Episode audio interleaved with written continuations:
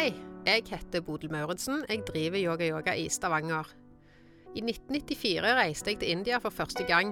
Der traff jeg en mann som sa du må begynne med yoga. Han klarte for øvrig å selge meg to tepper som jeg egentlig har fått brukt for, men det skal han ha. Jeg har gjort yoga i langt over 20 år allerede, så sånn kan det gå. Håper du vil høre på noe av det jeg har erfart gjennom disse 20 årene.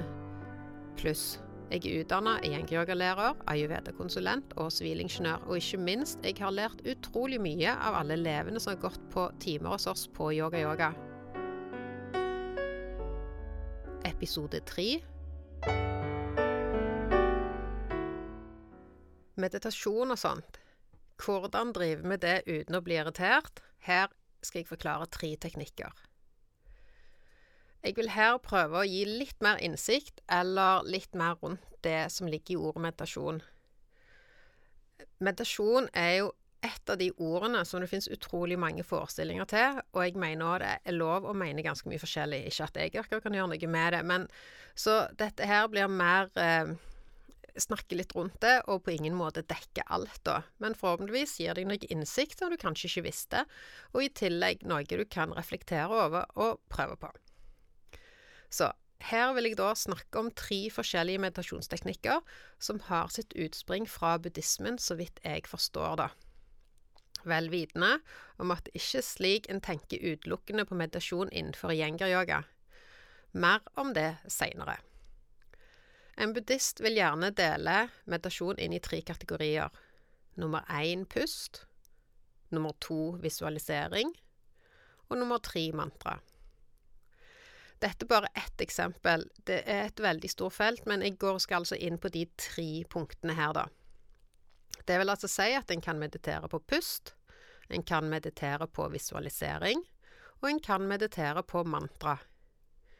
I yenga-yoga, som vi holder på med, så jobber vi veldig mye med pust, men vi kaller det ikke meditasjon. Så altså Noen kaller pust for meditasjon, andre ikke.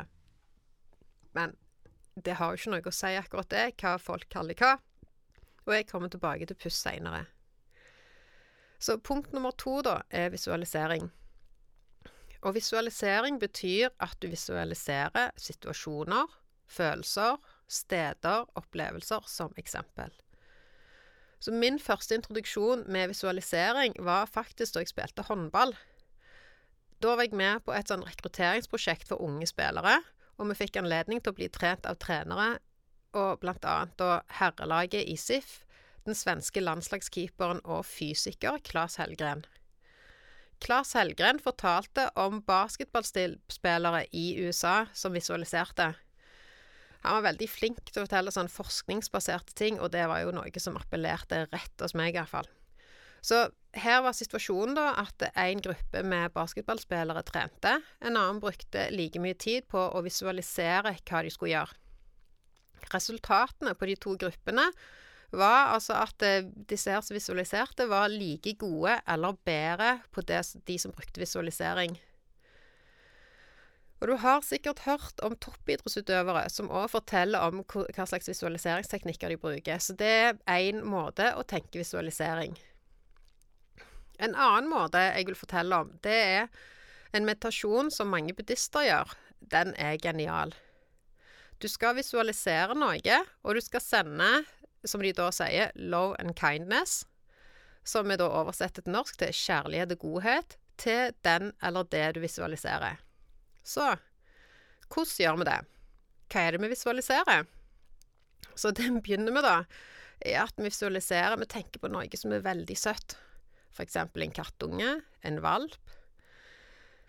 Visualisering av barnet ditt da det var en liten, søt baby et eller annet. Her går det ofte ganske greit for folk å få god følelse med å tenke på denne visualiseringen, om det da er en kattunge, hundevalp, baby. Men så er vi i gang. Vi skal utvide repertoaret vårt. Det betyr at vi utvider den eller det vi visualiserer, til ting, folk eller dyr f.eks. vi ikke er like glad i. Og vi skal da sende kjærlighet og godhet til disse objektene. Det som skjer inni oss da, er at vi øker den mentale følelsen av kjærlighet og godhet. Vi kan sammenligne med en muskel. du trenger Du trener altså opp det å ha en god følelse i kroppen, i deg, over lengre tid. Får du øver, og du kjenner på en god følelse når du tenker på disse objektene, så sitter du gjerne over lengre tid og visualiserer på disse objektene. Sitter med den gode følelsen i deg. Klarer å sende kjærlighet og godhet til, disse her objektene. Så tanken er at etter hvert så er den følelsen som nå har blitt kraften av kjærlighet og godhet så sterk at vi kan sende denne kraften til og med til objekter som vi ikke er så glad i. Det kan være mennesker, dyr, hva som helst. Med andre ord, vi føler kjærlighet og godhet for objekter som opprinnelig ikke er i vår indre sirkel. Du sender så gode tanker. Det er det vi snakker om gjerne i, på norsk, da. Jeg sender deg gode tanker. Skriver du gjerne på en SMS. Men tanken er jo da at det fra buddhismen, da, vi visualiserer og sender en følelse av kjærlighet og godhet til deg, da. Så hvordan går dette her, da? Og så er det gjerne noen som spør er det lov å bare meditere på kun de søteste søte, og slippe det der, og så utvide denne her eh, sirkelen. For det syns en gjerne er litt eh, stress, da. Eh, her må jeg jo nevne det at denne meditasjonen, altså visualisering på kjærlighet og godhet, tar ofte årevis å trene opp. Flere tiår, kanskje hele livet, og blir vi jo da egentlig noen gang utlært. Blir vi noen gang mor Teresa? Vi gjør gjerne ikke det, men vi har ingenting vondt av å øve på det. Så meningen er jo i de fleste filosofier og religioner at alle som kan, skal være tilgjengelig for å hjelpe andre. Jo mer du føler kjærlighet og godhet for flere, jo mer overskudd og villighet vil du ha til å gi hjelp til de som kunne trenge det. Men du kan òg bruke det til egen nytte. Sett at du er i en pressa situasjon, hva som helst, så vil du ikke da behøve å meditere på de mest utfordrende objektene. Da er du mer enn nok med å klare deg sjøl. Da kan ditt stressnivå gå kraftig ned fordi at du visualiserer på noe du er skikkelig glad i. Som denne her kattungen, valpen, bildet av babyen din, for eksempel. Så her har vi flere ting som har skjedd da. Du har ikke bare klart deg bedre i en situasjon der du trengte noen hjelpemidler til din egen stressende situasjon, men du har òg begynt å utvide den mentale muskelen, som er kjærlighet og godhet. Når du får tatt den i bruk, så tar du den i bruk når du sjøl trenger den. Og når det blir en mer innarbeidet følelse, så går du med denne gode følelsen i kroppen større deler av dagen. Men altså, her må jeg gjerne si òg, da, at kjærlig godhet er gjerne i overkant pompøse ord for oss nøkterne nordmenn, eller iallfall oss i Stavanger, da. Men poenget er jo at vi skal jo med overskudd og uten å forvente noe igjen være der for andre, akkurat de som trenger det. Så visste du f.eks. at den mest spirituelle treningen er gå og hjelp din nabo. Dette er en historie som går igjen og igjen, om eleven som kommer til mesteren sin og lurer på hva slags øvelser eleven skal gjøre for å bli mer spirituell. Eh, da får jo eleven hageslepp når mesteren sier at eleven skal gå og gjøre noe godt for naboen, eller uteliggeren, eller noe eleven syns er ekkelt. Men det er jo det som er godhet i praksis, da. Verden har mye mer igjen for et menneske som hjelper andre, enn et menneske som er selvhøytidelig og dyrker seg sjøl.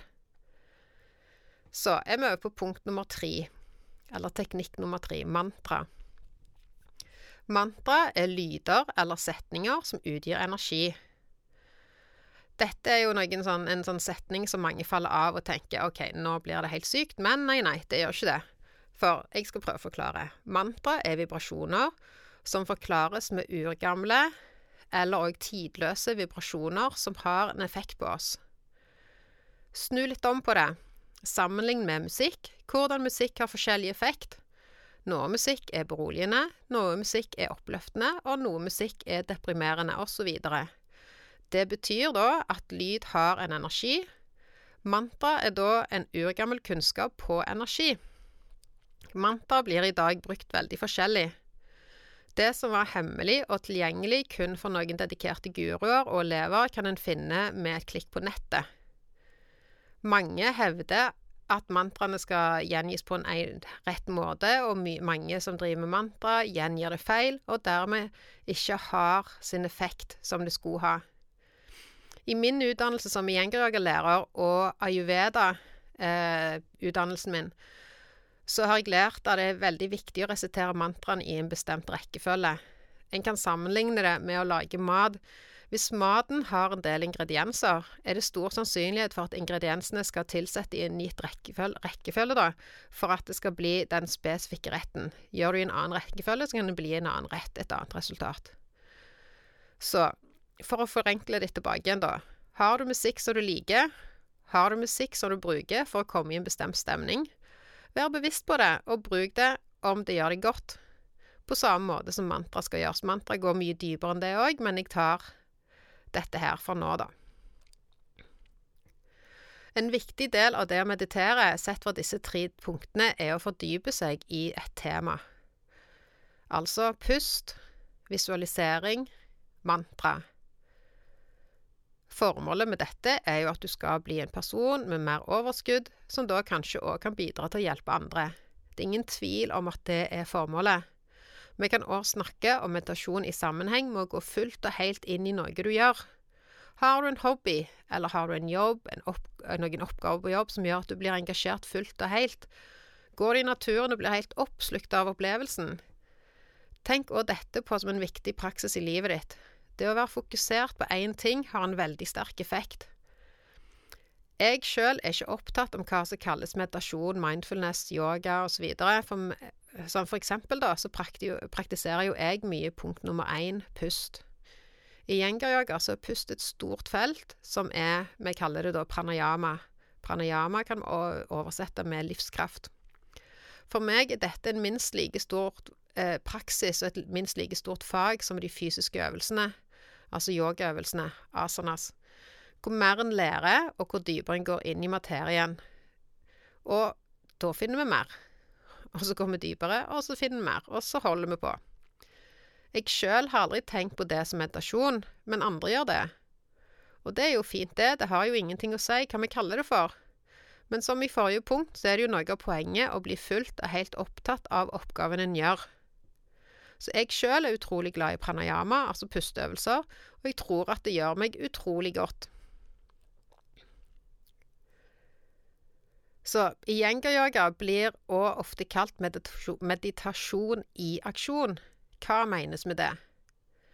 Jeg syns å kalle iyenga-yoga for meditasjon i aksjon er veldig riktig å si. Jeg mener at iyenga-yoga er i mye større grad en mental praksis enn en fysisk praksis. Så det er ingen tvil om at det er en fysisk praksis. Selvfølgelig ikke, du har sikkert sett bildene eller vært på timer eller prøvd det sjøl. Og spesielt i starten er det en fysisk praksis. Vi skal få orden på armer og bein, vi skal gjøre bevegelser som vi ikke er vant med å gjøre, og vi skal puste rolig gjennom nesen i de rareste stillingene, der lungene føles både innestengt og vridd. Vi blir sterke, fleksible og får mer energi. Etter hvert blir øvelsene mer intense, enten fordi vi er f.eks. lenger i øvelsen, eller gjør en vanskeligere variant av øvelsen, eller en helt ny variant av øvelsen, eller gjør en vanskeligere øvelse. Da trenger vi større og større grad å være mer fokusert på hva som faktisk skal skje. Og jo mer ekstreme vi blir, og jo viktigere det er å gjøre ting i riktig rekkefølge. For tenk, du står på hodet, skal ta et bein bakover og et bein framover og svinge beinet mot høyre.